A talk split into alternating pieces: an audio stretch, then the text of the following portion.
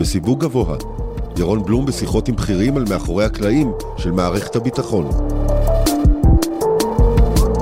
בוקר טוב ישראל. בוקר אנחנו טוב. מארחים היום את ישראל חסון, סגן ראש השב"כ.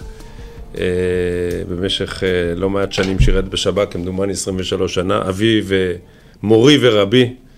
אנחנו מקליטים את התוכנית הזו ביום אה, עצוב, שבו חבר משותף אה, נפטר ממחלה, רונן, שהיה אחד מבכירי השב"כ, ואנחנו מפה מחבקים את המשפחה ועצובים ומשתתפים בצער ואבל למשפחה. אפשר לדבר הרי על אה, רונן אה, אה, שעות, כי הוא היה באמת גיבור, גיבור אמיתי. תכף אנחנו נדבר גם על זה, אבל אני חושב שישראל, מעבר לזה שהוא היה, הוא גם אחד ממוריי וגם אחד מהאנשים שאני מאוד מאוד אוהב משב"כ.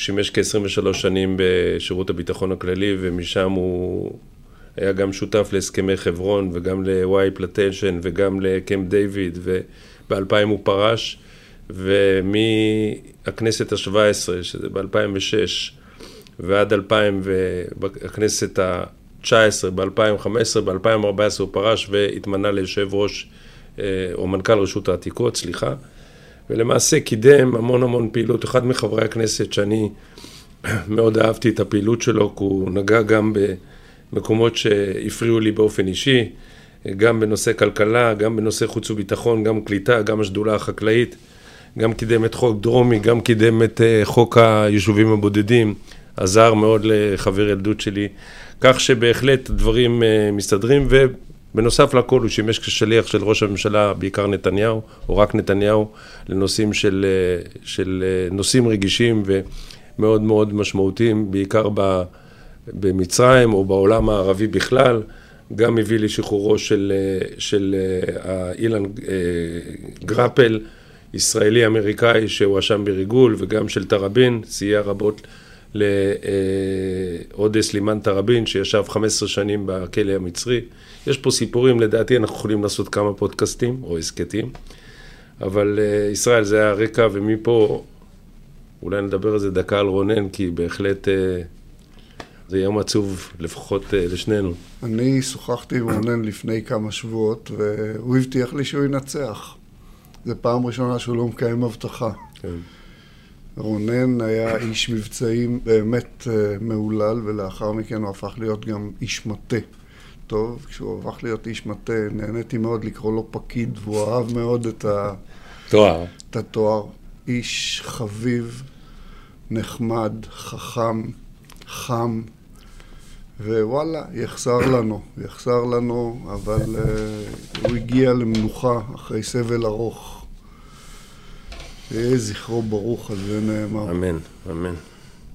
נעשה מה שנקרא קפיצה, אבל אולי אנחנו נוכל לזור את זה גם לפעילות של רונן, או פעילות של אה, אגף המבצעים שהוא הוביל וניהל בסופו של דבר. ונדבר קצת על שני מבצעים שאתה, אני חושב, גם יזמת, גם הובלת. זה גם יירוט יחי אייש וגם יירוט חוליית חברון, או אתה יודע מה, אני אתן לך מה שנקרא פרי סטייל, איפה שאתה רוצה תתחיל, כי בשב"כ שנינו מכירים, אבל אתה מכיר יותר טוב ממני וגם היית שותף הרבה יותר, אה, להרבה יותר מבצעים, אז אני אשמח לשמוע קצת על הסיפור הזה, דברים שלא שמענו עוד היום. האמת היא, ירון, זו פעם ראשונה שאני מוכן להתראיין על פעילות מבצעית בשב"כ, אני מקווה שזה גם פעם אחרונה, אבל מאחר וזה אתה, אז אני, אני אספר לך את הסיפור. ב-22 לינואר 95 היה פיגוע גדול בבית ליד, ובאותו בוקר קראו לי ללשכת ראש השירות, יחד עם גדעון עזרא, אהוב ליבי, זכרו לברכה. שהיה אז ראש, אה, ראש מרחב ירושלים, היה ראש מרחב ואתה היית ירושלים. ראש הייתי התשע. לא, אני הייתי ראש מרחב צפון אה, שלנו. אוקיי. אמרו לי, בשמונה, בשמונה בבוקר נפגשנו בלשכת פרי, פרי אמר לי, יעקב, יעקב פרי, ראש פרי, ראש השב"כ, שב"כ. אתה מחליף את גדעון. גדעון ואני היינו, אהבנו אחד את השני מאוד, היינו בתפיסה מבצעית אה, שתי קצוות של תפיסה מבצעית ופתרונות מבצעיים. גדעון אהב הרבה מאוד פעילויות מאוד מאוד גדולות ומאוד מאוד מסיביות, ואני אהבתי להזיז אבן ולהפיל את ההר, אה, יותר נקודתי. יצאנו מהלשכה של פרי במטה, היה אז הפיגוע הנורא בבית ליד, קיבלנו את הידיעה, ואז גדעון שואל אותי, איך אתה רוצה את החפיפה? אמרתי לו, גדעון, יש לך שלוש שאלות, על סמך זה נחליט איך אנחנו עושים את החפיפה. שאלה הראשונה הייתה, איך תופסים את יחיא עיאש? אמרתי לו, תשמע, האיש הזה משנה את האסטרטגיה המדינית, משפיע על האסטרטגיה המדינית, איך תופסים אותו? הוא נקט באיזושהי שיטה מסוימת, אמרתי לו, זהו, זאת אומרת, האיש הזה שהוא כל כך מרכזי לתהליך המרכזי המדיני שלנו, יתבסס בסוף על פעילות של איש אחד, אומר לי, כן, דרך אחרת לא תצליח. שאלתי אותו עוד שתי שאלות, ענה לי, אמרתי לו, שמע, גדעון, נגמרה החפיפה. מבחינתי, סיימנו חפיפה, בוא נבלה, יש לנו עשרה ימים עד הראשון לפברואר, בראשון לפברואר הוא היה אמור לסיים, בוא נבלה ביחד. בילינו. רק למי שלא מבין, מרחב אה, ירושלים גם מכיל גם את אה, ירושלים, גם את אזור יהודה, יהודה וגם ושומרון. את אזור אה, שומר, שומרון כמובן, זה המרחב הכי גדול, הכי מורכב והכי בעייתי שיש לשירות הביטחון הכללי. וגדעון עזרא בכלל היה מיתוס, בכלל אנחנו יכולים לסגור גם מעגלים, גדעון היה מפקד שלי בלבנון. שאני הייתי בנפת צור, ואת הטרלולים שלו ואת האומץ המבצעי שלו אפשר לעשות הסכת נפרד, אבל בקיצור, זה בנפרד. אני אומר לו, בראשון לפברואר נפרדנו בחיבוקים, בשמונה בבוקר הרמנו כוסית בלשכה בירושלים, עליתי על האוטו ונסעתי ללשכת ראש השירות, אז התחיל את החפיפה כרמי גילון ויחד עם פרי. באתי, אמרו לי, מה אתה צריך? אמרתי להם, יש לי שלוש שאלות. שאלה ראשונה, איך תופסים את יחיא עיאש? אמרו לי, מה אתה צריך? אמרתי, אני צריך שכל השב"כ ירכז את כל היכולות שלו, ואתה, פרי, אז פרי עדיין היה ראש כן. שירות, כן. אתה תרכז את, הפ... את המבצע הזה, אתה תתחיל לנהל את המבצע הזה. הסתכל עליי פרי, אמר לי, אין לי זמן. אתה מעכשיו ראש שירות לענייני יחיא עיאש. אמרתי לו, אין דיונים. אמר, אין דיונים. לקחתי את הרכב, נסעתי, וזימנתי יום למחרת דיון איך מיירטים את יחיא אש, השתתפות כל גורמי השב"כ, כל גורמי השב"כ.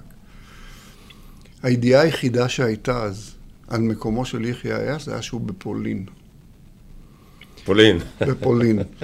ואז, אה, לשמחתי, השב"כ כמו, כמו השב"כ, בריכוז מאמץ באמת פשוט מתוכנן, אפילו לא, לא אינטנסיבי מדי, תוך שלושה וחצי שבועות באמצעות חבר משותף שלנו, יוסי, אה, המכונה יוסי, אה, הצלחנו לאתר ולשים את האצבע על יחיא עיאש. לשים את האצבע היכן הוא, איך הוא מסתובב, מה דרכי התקשורת שלו, עם מי, הוא, עם מי הוא מסתובב, איך הוא מסתובב. ואני, אה, מאותו רגע, הצוות הזה התחיל לעבוד בצורה ממוקדת. לשמחתי, מי שלקח על עצמו לכאורה לרכז את הפעילות של כל הצוות הזה, משום שהוא לא היה במרחב שלנו, אלא היה בעזה, במרחב דרום. דיכטר היה אז ראש המרחב. אז אה, מאחר והפעילות פה הייתה פעילות כלל שירותית, אה, כרמי לקח את זה על עצמו, וכל אחד תרם את חלקו. היו קטעים מסמרי שיער בכל הסיפור הזה, כולל נטילת סיכונים שהם בלתי נתפסים היום. היום. היום אני לא הייתי מאשר לעצמי את המבצעים האלה שיזמנו, וזה נגמר כמו שזה נגמר. אה, זה נגמר כמו שזה נגמר, וזה פתח סיפור אחר לגמרי, זה פתח את זה שערפאת אישר למחמד דף לעשות את הפיגועים אותם פיגועים שמוטטו את אה, יציבותו של שמעון פרס לאחר רצח רבין, ארבעת הפיגועים המפורסמים שהיו בקווי 18 בירושלים, ונזיז את זה ימינה, שמאלה, קדימה, אחורה, כנראה שיחיא עיאש, מותו של יחיא עיאש, ומה שהתרחש אחרי זה, אתה יודע ויש פתגם באקולוגיה שאומר, תקטוף פרח, תזיז כוכב. אתה יודע מה אתה עושה נקודתית, אתה לא יודע מה יהיו ההשלכות של זה, וימים יגידו. תראה, עד היום אנחנו למעשה רואים גם מוחמד דף, שהוא אחד ממחוללי הפיגועים הגדולים שעדיין חיים, הוא גם שורד, הוא גם מאכוון, והוא גם למעשה היום רמטכ"ל העל של, של אזור עזה. אני בכוונה קצת מדלג לרצועת עזה, כי איך אתה רואה למעשה את המצב היום שהחמאס, ריבון דה פקטו, מחפש שקט מבחינתו ולא רוצה לפתוח במערכה בימים אלו, נותן לגאפ להתקוטט עם ישראל, ומוחמד דף הוא זה שלמעשה מנהל את העניינים. אם אתה רואה איזשהו שינוי, או שהרעיון שלו זה ללכת, להגיע ל, ל, ליהודה ושומרון, להשתלט על הרשות ב, ביהודה ושומרון, המטרה היותר רחוקה שלו, או קרובה, אבל רחוקה, ו, ולשמור על השקט בעזה, ומה שנקרא להעביר את זירת הלחימה ל... לאיו"ש. תראה, ירון, אלוהים זיכה אותי במסלול חיים מרתק, ומשנת 94 אני מעורב עד מעל הראש עם כל התהליך המדיני. וכששואלים אותי במסלול חיי, מה, מה הדבר, מה, מה הדברים המעניינים שעשית, אז אני אומר, אה, הדבר הכי מעניין זה התחום המדיני. אחרי זה התפקיד השני, המעניין ביותר והמספק ביותר, זה חבר כנסת. ואחרי זה מקום מספר שלוש או ארבע זה בכלל שב"כ. אני רוצה להגיד לך משהו. גם בשב"כ, כסגן ראש שירות, היית מעורב עד מעל הראש ב... מ-94, זאת אומרת, מ-94, כי הייתי, כשהתחלתי, 95, התחלתי במשא ומתן עם הפלסטינאים בתב"ע הראשונה, ואחרי זה כל ההסכם, כל היישום של ההסכם ביהודה ושומרון. יש איזה סיפורים מפה עד להודעה חדשה. אני אספר לך סיפור אחד שלא פורסם בחודש אחרי שנכנסנו, נכנסתי לתפקיד שלי בירושלים בשנת 95, רבין כינס אצלו דיון, סיור מוחות על הסכם אפשרי, פריסה אפשרית ביהודה ושומרון של הרשות הפלסטינית. עד אז הם היו אוסלו א', עזה ויריחו. בתום הדיון הוא פנה למי שהיה אז אלוף פיקוד מרכז, ובעיניי אחד האנשים החכמים ביותר שיש במדינה הזו. והוא איש גולני, אתה אומר. אילן בירן, שהוא קודם כל ג'ינג'י, דבר שני גולנצ'יק, חד כמו תער, מהיר כמו ברק, באמת משהו. נכון. והוא אמר לי, אה, לאילן ולי, תישארו בחדר. נשארנו בחדר, והוא אמר אה, לנו, רבותיי, אני מבקש שתלכו הביתה, תחזרו עוד חודש עם מפה לפריסה אפשרית של הרשות הפלסטינאית ביהודה ושומרון. אילן הוא הרבה יותר מהיר ממני בתגובות, הוא עם אפס פתיל, יש לו יתרון על כאלה שיש להם טיל קצר, כן. עם אפס... והוא קפץ ישר ואמר אה, ליצחק ז"ל, אמר לו, יצחק, תגיד לנו איך אתה רואה את הסוף. ואנחנו נתכנן את הפעילות מהסוף להתחלה, אתה לא מצפה ששני פקידים כמונו, אנחנו מאוד מעריכים את עצמנו, אבל אנחנו בסופו של דבר לא נבחרי ציבור פקידים. אנחנו נחליט גבולות ירושלים, אנחנו נציע על, על עתיד ההתיישבות. יצחק uh, חייך, ראש הממשלה חייך, ואמר, ג'נטלמן, שאלות כאלה לא שואלים ראש ממשלה.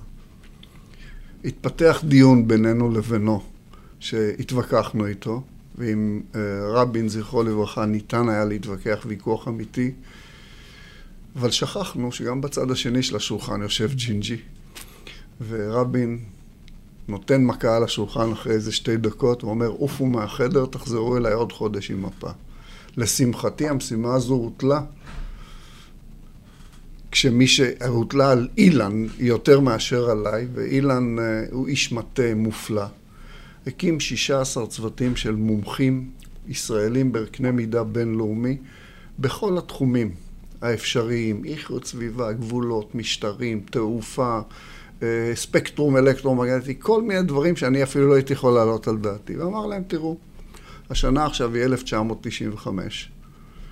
2015 בוא תבוא, אז זה נראה מעבר להרי החושך. כל אחד שיסתכל על התחום שלו, שיסתכל על המפה ויגיד איפה יהיו, איפה הם האינטרסים החיוניים של מדינת ישראל בתחום שלו ביהודה ושומרון. ואנחנו רק מאשרים את החיוניות של האינטרס, שלא יבוא איש שאחראי, המומחה לאיכות סביבה, ויגיד שבגלל בעיית מטמנת אשפה אנחנו צריכים לכבוש את טהרן. ירון, חרגנו בשבועיים, נוצרה מפה, ספר של 600 עמודים, של נימוקים של כל הצוותים לזה, והתקיים דיון בראשותו של רבין זכרו לברכה, פרס זכרו לברכה, אמנון שחק זכרו לברכה, כרמי, אילן ואני. עשינו תקציר מנהלים של חצי עמוד. חצי עמוד. פרסנו את המפה ואמרנו כך, אמרנו, אדוני ראש הממשלה, בעוד עשרים שנה, 2015 בוא תבוא, ממערב לירדן יהיו כשישה שבעה מיליון יהודים וכשישה שבעה מיליון לא יהודים. עזוב קו ירוק, עזוב קו צהוב, עזוב קו חום. השאלה שעומדת בפניך כראש ממשלה זה איך מנהלים את המרחב הזה. אנחנו מצאנו ארבע שיטות. אחת, טרנספר. כל שיטה יש לה עלות ותועלת. נוסתה בעבר. אמרנו, אחת זה טרנספר, שנייה זה אפרטהייד, שלישית זה דו-לאומי, רביעית זה היפרדות מדינית. אני עד היום הזה לא הוצאתי את המילה מדינה פלסטינאית מהפה. היפרדות מדינית. הנה האינטרסים החיוניים, הנה החלופות, תחליט. התקיים דיון של שעה וחצי, מרתק, שאני משוכנע שאתה רוצה לשמוע את סיכום הדיון. תן לי את התקציר מנהלים, מה שנקרא. הדיון הזה סוכם? עד היום? לא תנו לי לחשוב, מה שנקרא. לא, בכלל, כן. בחברה הישראלית, סוכם? לא סוכם שום דבר. ואז מסתיים הדיון, והוא אומר, אה, אה, אילן, ישראל, תישארו בבקשה בחדר. אנחנו שקשקנו, כי הצלחנו להתגבר על מוקש אדיר, לא סימנו גבולות, לא עשינו כלום, לא. ואז הוא אומר, אמר את דעתו על העבודה, שכאן כל המחמאות זה לאילן, אני בסך הכל בקושי יתוש שיושב על גב של פיל, והוא אומר, אני בטוח שבתהליך העבודה היו לכם תובנות. אני רוצה שתכתבו לי את התובנות. כאן אני קפצתי. אמרתי לו, תשמע, אדוני ראש הממשלה, תובנות יכולות לאיזה קונוטציה פוליטית. אני לא חושש שאתה השר הממונה עליי. אני גם, אין לי בעיה לכתוב לך את דעתי ולשים לך את זה. מסתכל על זה מאינטרס. אבל אילן צריך להעביר את זה דרך הרמטכ"ל. ודבר כזה, אם יום מהימים ידלוף, אתה... ודבר שלישי, תובנות זה עניין פרטי, זה לא עבודת מטה. אמר, אין בעיה, תכתוב. קיבל את עמדתי, תכתוב. ירון, אתה מכיר אותי, אני בן אדם שלב בדרך כלל, גם ברגעים המותחים הייתי די שלב, אני ישן טוב, אני יומיים וחצי לא ישנתי. כי הבנתי שאני הולך להשפיע על מקבל החלטות בקבלת החלטה שהיא מעבר ליכולת הנשיאה האישית שלי. זאת אומרת, אני אמרתי, אני לא מסוגל. בגלל שהרגשת שם מחויבות כפקיד ציבור, כאיש שירות, או בגלל שאתה לא הבנת את לא, הסיטואציה לא, הזאת? אני, אני הבנתי את הסיטואציה ההיסטורית הזו, שרבין אמור לקבל החלטות היסטוריות, שיהיו אבני דרך בהיסטוריה של עם ישראל. שאתה תהיה גורם משפיע מאוד על הקבלת... אני אהיה גורם משפיע. זה, זה, זה, זה נטל שאתה, קשה לי אפילו לתאר לך אותו. אבל זה נכון, בקונפורט זון שלך, זה היה נכון כשהיית ראש מרחב ירושלים, כשהיית סגן ראש שב"כ, זה נכון גם, כי החלטות שהן טקטיות, הן משפיעות הרבה מאוד לא פעמים אותו, על האסטרטגיה. לא זה לא אותו דבר. לקבל החלטה לגבי, או להשפיע על החלטה שעשויה להשפיע על עתיד ירושלים, זה אבן דרך שאתה תלמד עליה אלפיים שנה. כן, אתה נכון. יודע היום מה עשו החשמונאים, אתה יודע מה עשה בר כוכבא, אתה יודע, זה, זה החלטות בסדר גודל כזה, זה החלטות ברמה ההיסטורית של עם. אחרי יומיים וחצי שרבטתי שלושה משפטים, ובאתי, הייתי תדיר, באופן שכיח בדיונים אצלו. וכרמי הכיר את, ה, את הבקשה ואת ה... לא, לא זה, זה היה לגיטימי שרבין okay. אוקיי. דיבר איתנו, זה לא... Okay. כן. תשמע, הוא הכיר אותנו מלבנון, והוא הכיר אותי מהאינתיפאדה הראשונה, היינו, עבדנו מאוד צמוד. היה לו, היה משוחח באופן בין אישי בשביל לשמוע. כתבתי לו, אדוני ראש הממשלה. אני אומר לך, יש כמה דברים, טקסטים, שאני מבטיח לך שבאלצהיימר מתקדם אני אזכור אותם. אני אזכור את זה. כתבתי לו, אדוני ראש הממשלה, אם בסוף התהליך אתה לא יודע להבטיח מדינה בעלת רוב יהודי מוצק לדורות, משטר דמוקרטי, גבולות בטוחים, ותקשיב טוב לפסקה האחרונה, וסדר אזרחי חדש, תעצור עכשיו. נתתי לו. זהו. בסוף הדיון אומר לי, בוא כנס, תסביר לי מה... תסביר מה כתוב. אמרתי לו, תראה, אדוני ראש הממשלה, ב-2000, אתה ואני, אני מסתכל על 2015, אני לא מסתכל על 1995. אתה ואני לא יודעים אם לבנון תהיה מדינת חיזבאללה או לא. תזכור, דיברנו על זה באפריל-מאי לפני 38 שנים. לא 30, לא, לא 38, סליחה, 28 שנים, בסדר? אמרתי לו, אתה ואני לא יודעים אם חיזבאללה תהיה מדינה, אה, אם לבנון תהיה מדינת חיזבאללה, כן או לא. אתה ואני לא יודעים אם המשטר העלוי בסוריה יישאר. המערב עושה טעות עם סדאם חוסיין, והוא מפרק את, קוש, את, את מרכיב ההרתעה המרכזי מול איראן. אתה ואני לא יודעים מה יהיה בעיראק. אתה ואני לא יודעים מה יהיה באיראן. אתה ואני לא יודעים מה יהיה בירדן. לא יודעים הדברים. ובתוך כל זה, אתה הולך להקים ישות מדינית מסוימת, שיש לה זיקה, קרי פלסטין, שיש לה זיקה חזקה מאוד למזרח וחזקה מאוד למערב, ואתה חושב שזה יתרום ליציבות. אני לא יודע לראות את זה. זאת אומרת, זה משהו שאני עושה מאמצים, אני לא יודע לראות את זה. אני אף פעם לא מספר מה ראש הממשלה אמר, אבל אני אגיד לך את השורה התחתונה. לנו יש תקלה אסטרטגית בחינוך שלנו כאן. אנחנו בוחנים את ההיסטוריה המדינית שלנו בראייה של 100 שנות ציונות, או 140 שנות ציונות, לא חשוב כרגע מאיפה אתה סופר. ההיסטוריה שלנו פה היא 3,500 שנה. שום דבר לא השתנה במרחב הזה ב-3,500 שנה מבחינת המאפייני פעילות שלו, מלבד השמות. פעם קראו להם מדיינים, היום קראו להם דרוזים. פעם קראו להם עמונים, מואבים, היום ירדנים, אדומים, סעודים, פלישתים. אנחנו רואים, רואים את הדבר הזה. שום דבר לא השתנה. ואיומים ביטחוניים יהיו עלינו גם כשחזון ישעיהו בן אמוץ יתממש ויגור זאב עם כבש ונמר עם גדי, אנחנו נצטרך להיות הזאב והנמר, כי גדי וכבש במזרח התיכון זה על המנגל. אנחנו לשם לא חוזרים. אז אמרנו לו, אמר, האיום, איום ביטחוני תמיד יהיה, ותמיד נצטרך להיות חזקים. לא יעזור לנו שום דבר. זה, זה היה הגורל שלנו פה. הדבר המרכזי שיסכן את עתידה של מדינת ישראל זה סדר אזרחי. זה מערכות היחסים עם המיעוטים, עם המגזרים השונים פה. זה, אם לא ייפתר תוך 40 שנה, הוא אומר, זה יסכן את קיומה של מדינת ישראל. ותראה, אנחנו... אנחנו רואים את זה היום, עם 22 אחוז מיעוט ערבי-ישראלי, אנחנו עד היום לדעתי... לא קיבלנו את לא ההחלטה אם לגרש אותם או לשלב אותם. מה אנחנו עושים, איך כן. תיראה מדינת נכון, ישראל שהרוב נכון. היהודי טרם קיבל החלטה, מה אנחנו עושים עם ה-22 אחוז האלו, אפרופו הפשיעה במגזר הערבי, ויחסנו, מה שנקרא, לאן, עם המיעוט, שלמעשה ברובו, בעיניי כמובן, רוצה להשתלב במדינת ישראל. אני חושב שמעל 90 אחוז רוצה להשתלב ורוצה להישאר פה. אתה יודע, אני חייב להגיד לך משהו. אנחנו כל הזמן שואלים מה הם רוצים. אני שואל מה אנחנו רוצים. אתה רוצה לשלב או שאתה רוצה לגרש? חד משמעי לשלב. אה, אוקיי, אם אתה רוצה לשלב, תראה לי עכשיו בבקשה את מכלול הפעילות שלך ומה זה ההגדרה של שילוב בעיניך. כמו שאומרים לי, אין עם מי לדבר בצד הפלסטיני, אני אומר, תגיד לי מה אתה רוצה. תגיד לי לאן אתה רוצה להגיע, אני אגיד לך מה הדרך הכי קצרה. אתה המעצמה פה, תוביל. אתה יודע, על זה אפשר הרי לדבר, כי אני מבחינתי מחר חוק שירות לאומי. קודם כל, זה מה שיחבר אותם, שירות לאומי ו/או לבחירת צבא.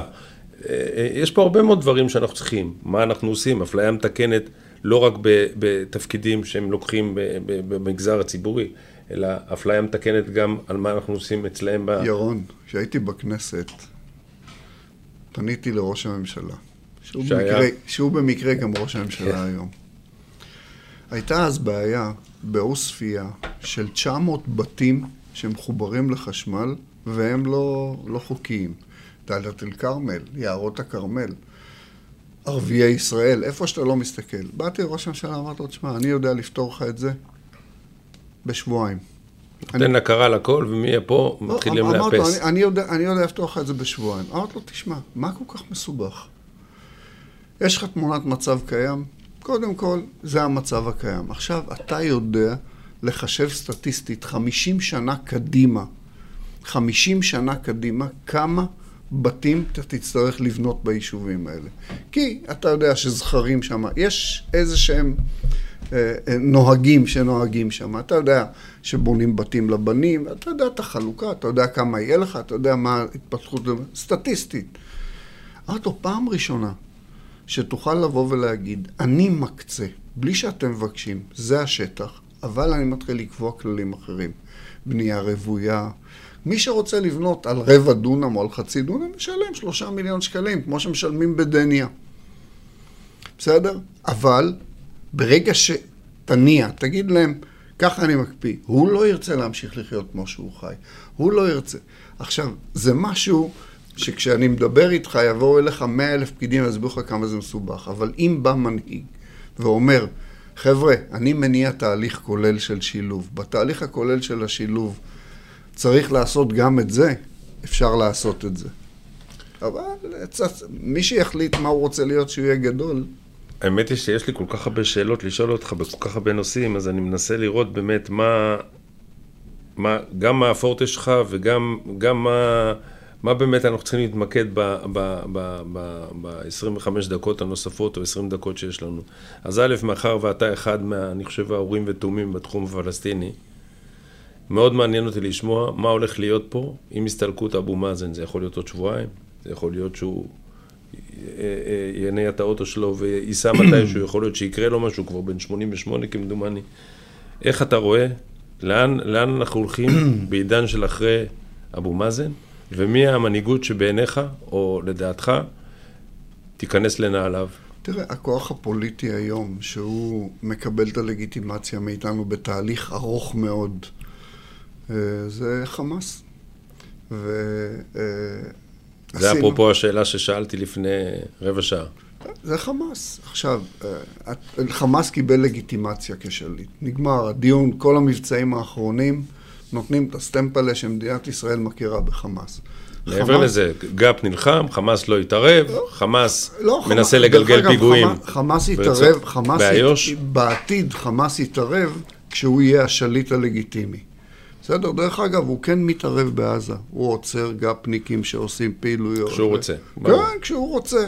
כשזה מתאים לו. והוא מחולל פיגועים באיו"ש. נכון, עכשיו הוא... כשזה מתאים לו וזה היום. בתהליך, במקביל לתהליך של ההכרה בחמאס, עשינו תהליך מקביל של ממש... החלשת שלטון אבו מאזן. שחיקה מוחלטת של הרשות הפלסטינית. עכשיו תשמע, הרשות הפלסטינית כבר 30 שנה, היא לא הביאה שום הישג. איפה הם היו לפני 30 שנה, איפה הם היום? עכשיו, זה דברים שאני אומר לך, שבאופן אישי אמרתי את זה לאבו מאזן מספר רב של פעמים, אמרתי לו, תסתכל על התהליך. עכשיו, אין, אין פת"ח. הפת"ח הפך להיות, אחרי 30 שנות שלטון, לגורם שהוא מסואב מאוד, מוחלש מאוד. אין לגיטימציה למנגנוני הביטחון לעצור את האחים שלהם. תראה מה קורה לנו פה כשקוראים לך עכשיו בפשע המאורגן, לך תעצור מנהלי את ראשי הפשע, אבל כשעצרת שניים אחרי חווארה מעצר מנהלי, מה יתרומם עליך? ואנחנו מצפים מהם שהם יעצרו מאות ואלפים. וזה האחים שלהם. והם לא נכנסים לג'נין, הם לא נכנסים כן, פה שכם. נכון, הם... נכון. עכשיו, בתהליך הזה, בתהליך הזה, אני לא יודע אם יחכו למוות של אבו מאזן, זה, זה, זה תהליך. אין שום ספק שהחמאס יהיה הכוח הפוליטי. הגדה היא קצת יותר מורכבת מעזה, היא לא uh, תת-אקלים, היא משהו שיש לו איזשהו משולב מאוד ברקמה. אבל ביום שהחמאס יקבל את ההחלטה שלשם הוא הולך, אנחנו הולכים לעמוד בפני מציאות שבו שתי אוכלוסיות אקטיביסטיות חיות בתא שטח אחד, ושאלוהים יעזור אתה לנו. אתה, אתה מדבר על התושבים היהודים, כן, שגרים, נכון, שהם ש... היום מעל חצי מיליון להערכתי. אוכלוסיות אקטיביסטיות, כן, זה היהודים, ו... השאלה, מי הדמויות שאתה מסמן ככאלו שיכולים להיכנס בתור ועד מנהל, בתור uh, מנהיגות משותפת, uh, אתה יודע, עולה, עולים שמות כמו ג'יבריל רג'וב, כמו חסן א-שייח, כמו נוספים. אף אחד לא יודע להרי, לתת נקודה מי הם אלו שיהיו החבר'ה האלו. ואתה מכיר אותם אישית מעולה. אני מכיר, חלק מהם אני גם מוקיר. מוקיר. ואני בקשר אה, מאוד הדוק איתם, אבל אה, גם להם אמרתי את מה שאני הולך להגיד לך, שאני לפעמים משחק שח עם עצמי, ואני מאוד שמח שהלבנים מנצחים. המשחק שח הזה לא יעמוד במבחן המציאות, כי השאלה היא לא רק מי האיש, אלא מי הגוף שיעמוד איתו, מי הגוף שילך איתו, מי הקבוצה שתנוע איתו. מנגנוני הביטחון זה פסאדה, שהם התפוררו באותה מהירות שהם התפוררו בעזה. כמה לקח להם? יומיים? להתאדות המנגנונים ה... הם, הם התאדו, זה לא... י- יבוא ישר משהו כן. חליפי לזה. ואני אומר לך, אנחנו לא הגדרנו לאן אנחנו רוצים להגיע. אז אתה מתנהל בזה שאתה מרוויח יום ומרוויח עוד יום של שקט ועוד יום של שקט. ויש לך פה מין מציאות שהאדם מסכן את החיילים שלך, בסדר? בשביל לאפשר שליטה של איזשהו גורם אחר. ואתה לא משיג שום הישג מדיני. זה... תן לי ארבע שמות של, של מנהיגים בולטים ב, ב, ברשות ובכלל. זה, זה לא, אני יכול לתת לך שמות, אבל אני לא בטוח שאנחנו... תראה, אה, אני שומע שמות כאלה ואחרים. הם לא יכולים להחזיק ציבורית אמיתי. אף אחד מהם? לא אף אחד מהם. יש כמה, אני לא רוצה, אני, ברשותך, אני רוצה לדלג על זה, מאחר ואני אוקיי. בקשר, אני לא... אני, אני מעדיף שלא. יש כאלה שאני יכול להגיד לך שהייתי מאוד רוצה שהם יהיו, אבל, אה, אבל אני- זה, זה לא ישנה את העובדה. זה, מחר ייבחר מי שייבחר. אתה יודע לאן אתה רוצה להגיע שם? כן. אתה, אתה החלטת מה הבחירה אני שלך. באופן מ- אישי לא כמובן אתה, שכן. מדינת ישראל. לא. אתה, זה אתה מאוד חשוב לי, אבל אתה לא הכי חשוב בדיון הזה. האם מדינת ישראל קיבלה החלטה בין ארבעת החלופות? לא. אם לא, אז uh, אני אגיד לך, ארבעת החלופות האלה, הן קיימות גם לצד הפלסטיני. תראה, אני חושב כל הזמן, בדיון תיאורטי עם עצמי, בשח עם עצמי, אולי אני עם השחורים, אבל בכל מקרה אני בא ואומר, אוקיי, היום יש אחד כמו דחלן, שבכלל יושב במפרציות, שיושב באיחוד האמירויות, נכון? אבו דאבי. באבו דאבי, סליחה. ולמעשה הוא פעיל ופעיל, והוא אחד שאני רוצה לראות אותו פה בזירה.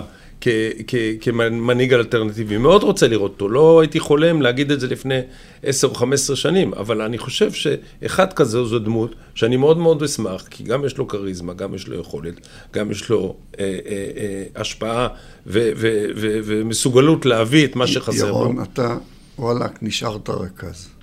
עכשיו אני אגיד לך למה. נכון שאחד כמו דחלן יכול לעשות, ולא רק דחלן, יש עוד שמות שיכולים לעשות. אתה בטוח שמה שהם הולכים לעשות זה מה שאתה רוצה?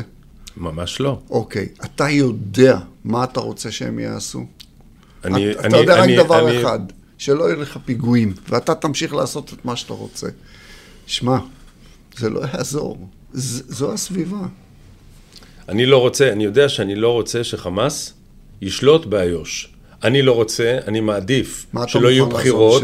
שלא יהיו בחירות ברשות הפלסטינית, ושהם יישארו דיקטטורה כמו שכל המדינות הערביות בפועל, עם כל הבחירות וזה, הם יודעים לכוון את הבחירות, הם יודעים לעצב אותו כך, שמי, ש, שמי ששולט היום, הוא ימשיך לשלוט. אני מעריך שהרשות בקונסטלציה כזו או אחרת תמשיך לשלוט, אני לא יודע באיזה, באיזה מנגנון של מנהיגות בהתחלה.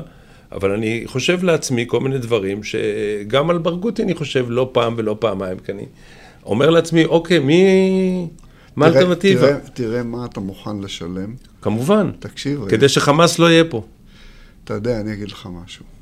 בעברית הכי פשוטה, יש שיר נפלא של ברטולד ברכט, שהוא קורא לזה, סורגים לא עוצרים את הרוח.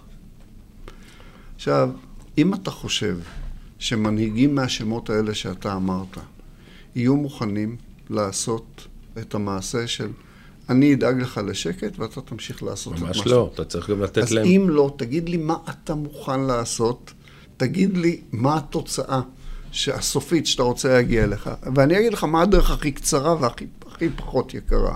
יכול להיות שהיא תהיה יקרה מאוד, אבל היא תהיה הכי פחות יקרה. אבל תגיד לאן אתה רוצה להגיע. ברור. תגיד לי מה אתה בוחר. מאחר ואתה מאוד אוהב, אהבת את, את היותך חבר כנסת, ואני רוצה לדלג דילוג חד לשם, כי עשית כמה דברים מאוד, מאוד חשובים, מחוק הנכים ונכי צה"ל ו, ו, וחוק דרומי ו, וחוק ההתיישבות, כמו ש... החוות הבודדות, חוות הבודדים. א', מה אתה מרגיש שעשית הכי שיירשם על שמך והוא הכי חשוב לך, היה הכי חשוב לך. יירשם על, יירשם על שמי, אני לא... לא חשוב, לא, אני לא, הבנת לא, מה אני מתכוון. אני לא מחפש, אבל אני אגיד לך. אני חושב שהיו שם כמה פעילויות מאוד מאוד משמעותיות. העובדה שהקמתי, ואני אומר הקמתי, פעם ראשונה שאני משתמש בפועל, פועל, הקמתי את ועדת המשנה בוועדת חוץ וביטחון לנושא הזה של נכי צה"ל, משפחות שכולות, פדויי שבי וצטרה. אז אני אגיד לך, אתה יודע שגלעד שליט, שאתה היית שותף אה, לא, לא מבוטל ב, כן. ב, בתהליך שחרורו, אתה יודע שהוא הראשון בעקבות חוק, אחד מבערך תשעה או עשרה חוקים בתחום הזה של נכי צה"ל, הוא הראשון שכפדוי שבי, עצם העובדה שהוא הגיע כפדוי שבי, הוא הוכר כנכה צה"ל. כן, אני יודע. הוא הוכר אוטומטית. עכשיו, כמה הוא, איך הוא, למה הוא, בשביל לחסוך לכל פדויי השבי את מסע הייסורים שאנחנו שומעים. העיסוק שלי עם הפוסט-טראומטיים, העיסוק שלי עם המשפחות השכולות, אני אומר לך, עבדתי בזה חמש שנים, יום וחצי בשבוע, כל שבוע. אה, באמת, זו הייתה זכות מדהימה. הדבר השני, זה היה בעיניי כל הסיפור אה, של, אה, אתה קורא לזה חוות הבודדים או אצטרה. חוות הבודדים... מי שלא יודע, פשוט חוות בודדים כזו, נכנסה, נכנסת משפחה לפני 20-30 שנה, ופתאום מגיע גופי מנהל, מנהל וכדומה. זכו במכרז. זכו במכרז, ואומרים להם, צאו, בוא נעשה... לא צאו, תקשיב, צאו, אני עוד חי עם זה. צריכים עכשיו לעשות מכרז מחדש. ירון, ירון, הבן של החבר שלך עמד להתגייס לצה"ל. אתה אבל... מדבר על כרמי עובדת, על אייל. אני מדבר על כן. אייל. עמד להתגייס לצה"ל, והחליט באותם ימים היועץ המשפטי לממשלה בעצה אחת עם היועץ המשפטי של מינהל מקרקעי ישראל, לפתוח בהליכים פליליים כנגדם, אנשים שזכו במכרז, פתחו בהליך פלילי נגד כל בגיר שחי באותה חווה, שחי באותו יישוב. הילד לא היה יכול להתגייס ליחידה מובחרת, לא היה יכול להתגייס לצה"ל כי היה לו רישום פלילי. היה לו רישום פלילי, הייתי צריך לבטל את הרישום. בסוף לפחות הוא עשה את זה. אה, בסדר, אתה מבין. אבל אני אומר שבסופו של דבר הצלחת, 64, יש 22 חוות בודדים, בסך הכל בדרום יש 64 חוות בודדים שמנענו, מנענו את פינוים. שתדע לך שרק לאחרונה, אייל סוף סוף בכרמי עובדת, הצליחו לקבל... שתיים הראשונות. כן. השתיים הראשונות קיבלו. הצליח לקבל גם את, את, את, את האפשרות להתרחב, כן. גם, את, גם את האפשרות החוקית להמשיך לפתח. תאמין לי, אנחנו, אני בקשר איתם, לצערי, אני לא מבקר אותם מספיק, אבל אני בקשר איתם. נעשה את זה יחד, מה שנקרא. ירון, החוק השני, שאני... אה, אה, הובלת. הובלתי אותו, זה היה חוק של שי דרומי, מי שיודע, זה חוואי בודד ש... גנבו לו את העדר ארבע פעמים, בפעם הרביעית הוא יצא לקראת הגנבים ונאלץ לראות והרג אחד מהם. אני אומר לך, זה חוק שאני חוקקתי ברגשות מעורבים בצורה מטורפת. אבל אל מול זה, עד היום, אני לא יודע אם אתה יודע, עד היום חקלאי לא יכול לבטח, לבטח את הנכסים שלו מחוץ לביתו. הוא לא יכול. כאילו כל, ה... כל המטעים, כל הזה, הוא לא מבטח. אתה, יש לך בשדה עכשיו ברמדים, וזה, ופירות, וירקות. אתה לא יכול לבטח. אתה לא יכול לבטח את זה. אין, מדינת ישראל לא מאפשרת לך לבטח. שורפים לך עכשיו שדה, אתה מכיסך הולך לשלם את הדבר הזה. אין ביטוח. במציאות הזו, זה נראה לי ש... אתה יודע, הקצה של הסקאלה זה היה בסוף, שבאים ומאיימים על חייך ואתה נאלץ לראות. אז רכוש רכוש, אבל מאיימים. אז זה היה חוק דרומי, שיש... גם בשומר החדש וגם uh, היית מעורב חזק מאוד. בשומר החדש הייתה לי הזכות לעזור ליואל זילברמן הנפלא uh, להקים את הארגון הזה. ליוויתי אותו בארבע שנים הראשונות. הם עושים עבודה נהדרת, גם הם וגם השומר. אני חושב שזה שני הארגונים הכי חשובים היום שקיימים, העמותות. אני באמת, חושב, זה אני משהו- חושב, אני, חושב, אני חושב שעצם קיומם הוא כבר חשוב, של אקטיביזם ולא לא לשבת לא פסיבי. הם עשו דברים נפלאים ב... כשביקשתי מהם, והם עושים דברים נפלאים. אני רוצה להגיד לך, אחרי זה גם אה, התעסקתי הרבה מאוד, זה מתקשר לתפקיד הבא אחרי הכנסת. התעסקתי מאוד... כיושב- כמנכ"ל רשות העתיקות, זה מנהל, בכלל זה נקרא סיפור... אחד. מנהל. מנהל. כן. בשבילי אתה מנכ"ל תמיד. תשמע, אה, אני מאוד מאוד אה, סייעתי לעמותת אלעד ולעיר דוד. אני חושב שיש שם פרויקט עם אדם שאני באמת אומר לך, אוהב אותו אהבת נפש. אני מכיר אותו משנת 87, את דוד לבארי, והייתה לי, איך אמרתי לו, הייתה לי הזכות לתרום לך את הקמצוץ שיכולתי לתרום במפעל האדיר שאתם עושים. אני אומר לך, אחרי זה כמנהל רשות העתיקות, שאלו אותי, למה אתה הולך להיות מנהל רשות העתיקות? אמרתי להם, תראו, הנוער של היום שם את השאלה כל הזמן, למה כאן? למה להמשיך כאן? והשאלה הזו, היום אתה שומע אותה בעוצמות, למה כן. כאן? אמרתי להם, אני רוצה להיות חלק מהתשובה, ואני חושב שרשות העתיקות, יש לה את התשובה שממסמרת אותנו פה 4,000 שנה, 3,500 שנה. הארכיאולוגים יכעסו עליי כי אני לא מדייק, אז סליחה מראש, ארכיאולוגים. למי שלא מכיר, אתה היית שש שנים אה, מנהל רשות העתיקות. מה שמה, כי למעשה בתקופתך אני חושב שהרשות הגיעה הגיעה למקום אחר, מבחינת גם ההישגים, גם מבחינת ה... תשמע. היכולת, התדמית. ה- התפיסה, התפיסה, שיש רשות שהיא מאוד מאוד מקצועית. זה גוף, דרך אגב, ירון, תדע לך, אחרי שבוע כינסתי שם את ההנהלה, אמרתי להם, תקשיבו, אני חייב להגיד לכם משהו. הייתה לי זכות גדולה בחיים לנהל הרבה מאוד, להקים יחידות מובחרות, לנהל יחידות מובחרות, לפקד על יחידות מובחרות. אני אומר לכם, זו יחידה, אחת היחידות המובחרות הכי טובות שאני הגעתי אליהן. והבאת להם את הגאוות יחידה. ו, ואני אומר לך, אמרתי להם, כל מה שאתם עושים, אם זה לא יתורגם לתודעת הערך של המורשת ההיסטורית שלנו כאן, פיקששנו. אני אתן לך דוגמה קטנה. אתה יודע, קח את עיר דוד ותגיע מעיר דוד תעלה עד מנהרות הכותל. בעיר דוד יש לך את דוד אלה בארי. נכון זה גן לאומי, אבל יש לך את דוד אלה עם עמותת אלעד שמפתחת. אתה מגיע לאופל, שם יש לך שתי קבוצות פוליטיות, החברה לפיתוח הרובע ומפ"י, אפי, אני לא זוכר מה. אתה מגיע, אה, ל... אתה מגיע לרחבת הכותל, אה, סליחה, אתה מגיע, יש לך שם, יש לך את הרחבה... בקיצור, יש שם. איזה שמונה עמותות רק בתוך... באתי ושאלתי בשנת החמישים ל... לירושלים, לשחרור ירושלים, לאיחוד ירושלים. אז אמרתי, תגידו, איך אתם רוצים שירושלים תראה בעוד עשרים שנה? מי מסתכל פה מלמעלה ומקבל החלטה של איך ירושלים, באגן הקדוש שלה, תראה בעוד עשרים שנה? בואו נעשה תוכנית משותפת. היחיד שנרתם איתי למשימה הזו זה היה דוד עלי. כל הגופים האחרים נרתמו פחות, אבל הגשנו תוכנית לראש הממשלה, שבה אמרנו לו, תשמע, אנחנו רוצים לחפור את כל עיר דוד ואת כל רחבת הכותל ולייצר שם שלוש, שלושה מפלסים. מפלס אחד שהלך בו שלמה המלך, מפלס אחד שהלך בו רבי עקיבא, ומפלס אחד רבי ביבי.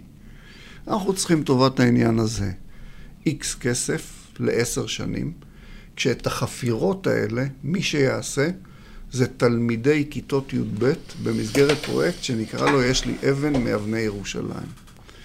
וככה אתה תחבר את כל הדברים האלה. ותשמע, אתה עושה פרויקט כזה, עשינו פרויקט בקיסריה, עשינו פרויקט באזור המגורים שלך לשעבר, שביל הסנהדרין. Mm-hmm. לקחנו את חמשת מושבי הסנהדרין בגליל. בשנה הראשונה הגיעו 12 אלף תלמידים, 3,000 חובשי כיפות. אבל 9,000, אני לא בטוח שהם ידעו מה זה סנהדרין. הם גם, אתה יודע למה קוראים לצומת סומך סומך? צומת סומך? לא. כי בצומת סומך, שם הסמיכו לרבנות בניגוד לתקנות אדריאנוס. זה סיפור ארוך. בכלל, החיבור שלך להיסטוריה, להיסטוריה יהודית, והאהבה שלך, אנשים לא כל כך מכירים את ההיסטוריה שלך, אבל ההיסטוריה המשפחתית שלכם, עלית באיזה גיל מדמשק? שבע וחצי. שבע וחצי. עלית עם מי? עליתי עם אה, ארבעת אחים, ארבעה אחים שלי. כשכאן בארץ היו ארבעה אחים גדולים שלא ידעתי על קיום. למען הגילוי הנאות, תקווה, אחותו, הייתה המורה שלי לערבית, הייתה המורה המיתולוגית שלנו. הייתה גם מורה שלי, היא התביישה. ולימדה אותי לעשות טבולי. אתה יודע שכשהיא לא ידעה שאני בא לשירות, אני לא ידעתי שהיא בשירות. כשהגעתי לאולפן ראיתי אותה.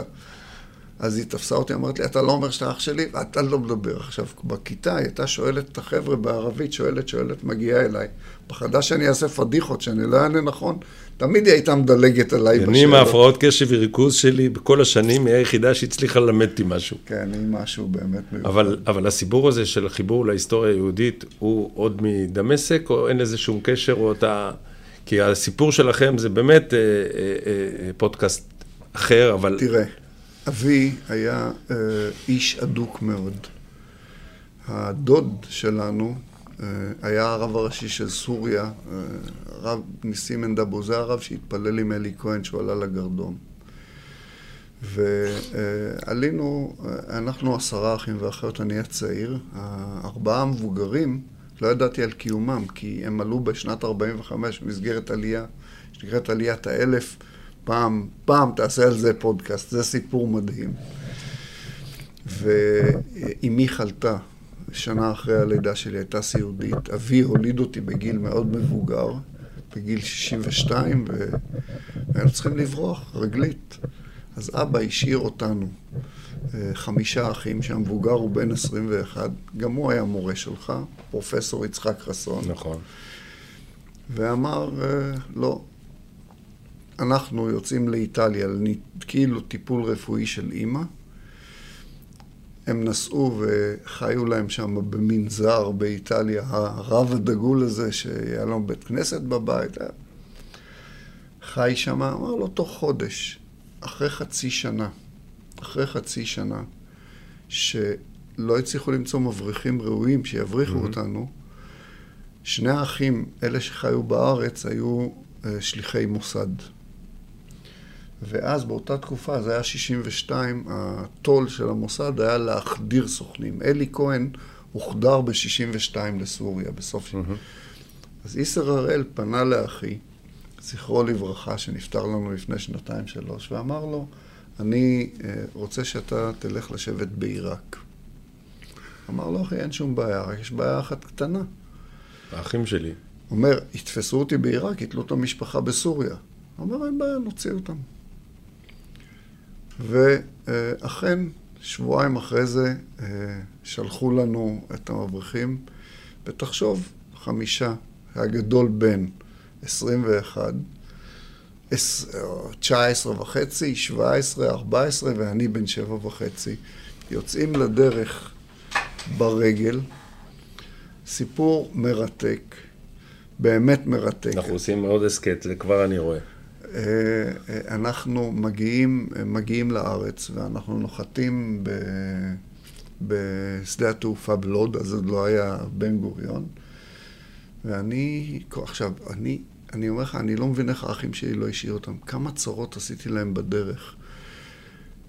זה אני אספר לך כשנספר את הבריחה. כמה צרות עשיתי להם. אני אומר לך, אני לא מבין איך הם לא השאירו אותי. אני לא טוען, אני לא עליתי ארצה, אותי העלו. בכוח. נוחתים בנתב"ג, אני שומע מישהו, בחור צעיר, צועק, תקווה, תקווה, אחותי, זו המורה שלך. המורה שלנו. והיא קוראת לו, ומגיע איזה בחור צעיר, והיא מתחבקת נשקת. אני תופס אותה בחצאית שלה. אני אומר לה, תקווה, את מתחבקת עם בחור צעיר? תראי, אני אספר את זה לאבא שזה מה שאת עושה. היא אומרת לי, אידיוט, זה אח שלך. אומר לה, כן, זה אח שלי. יוצאים לטיול. אני בכלל לא ידעתי איפה אני. יוצאים לטיול, יוצאים זה, זה מה שעשיתם לי כל הדרך, אל תדעי לספר. באותוך שעה הכרתי שלושה אחים חדשים מדהים. שלי, שלא ידעתי על קיומם. אנחנו, זה... עושים, אנחנו עושים על זה תוכנית. שאלה נוספת שמאוד מסקרנת אותי ברמה האישית, זה אשתך גל. אני מכיר אותה, אה, אה, אישה מדהימה שמנהלת אה, מנהלת, למעשה הקימה עמותה שמציעה סיוע הומניטרי לקהילות בעולם שנפגעו, והיא עובדת הרבה מאוד. שיש להם, יש לה תנאי אחד, שזה, שאין להם קשר דיפלומטי עם ישראל. שאין להם קשר דיפלומטי עם ישראל. אני במקרה הכרתי אותה ב-2011, אבל אתה חייב לספר לי, אחד, איך אתה חי עם זה שגל מסתובבת בכל מיני מקומות לגמרי, לגמרי, ללא קשר דיפלומטי עם ישראל, ואיך אה, בכלל הפעילות שלה, שהיא באמת פעילות יוצאת דופן, אבל מעניין אותי בתור אחד שהוא איש ביטחון, איך, זה, איך, איך אתה חי עם זה? תראה, את גל הכרתי במסגרת uh, פעילותה כשהתחיל המרד בסוריה ב-2011. ואז uh, נפגשנו והיא סיפרה לי על הפעילות שלה, ו... והפעילות שלה שם, בשביל שאני אסכם לך את זה במשפט, היא הקימה את הקסדות הלבנות, היא עשתה את פרויקט שכנות טובה, היא עשתה פרויקטים אנושיים, היא הבריחה משם את המשפחות היהודיות האחרונות, הבריחה, הוציאה אותם משם. זה היה כניסות רבות מאוד שלה ושל צוותים שלה לתוך סוריה בשיא הלחימה, באמת בשיא הלחימה. כשהיא סיפרה לי על הפעילות שלה, אני חשבתי שיש לי עסק או עם מטורללת או עם משהו שעוד לא פגשתי כל החיים.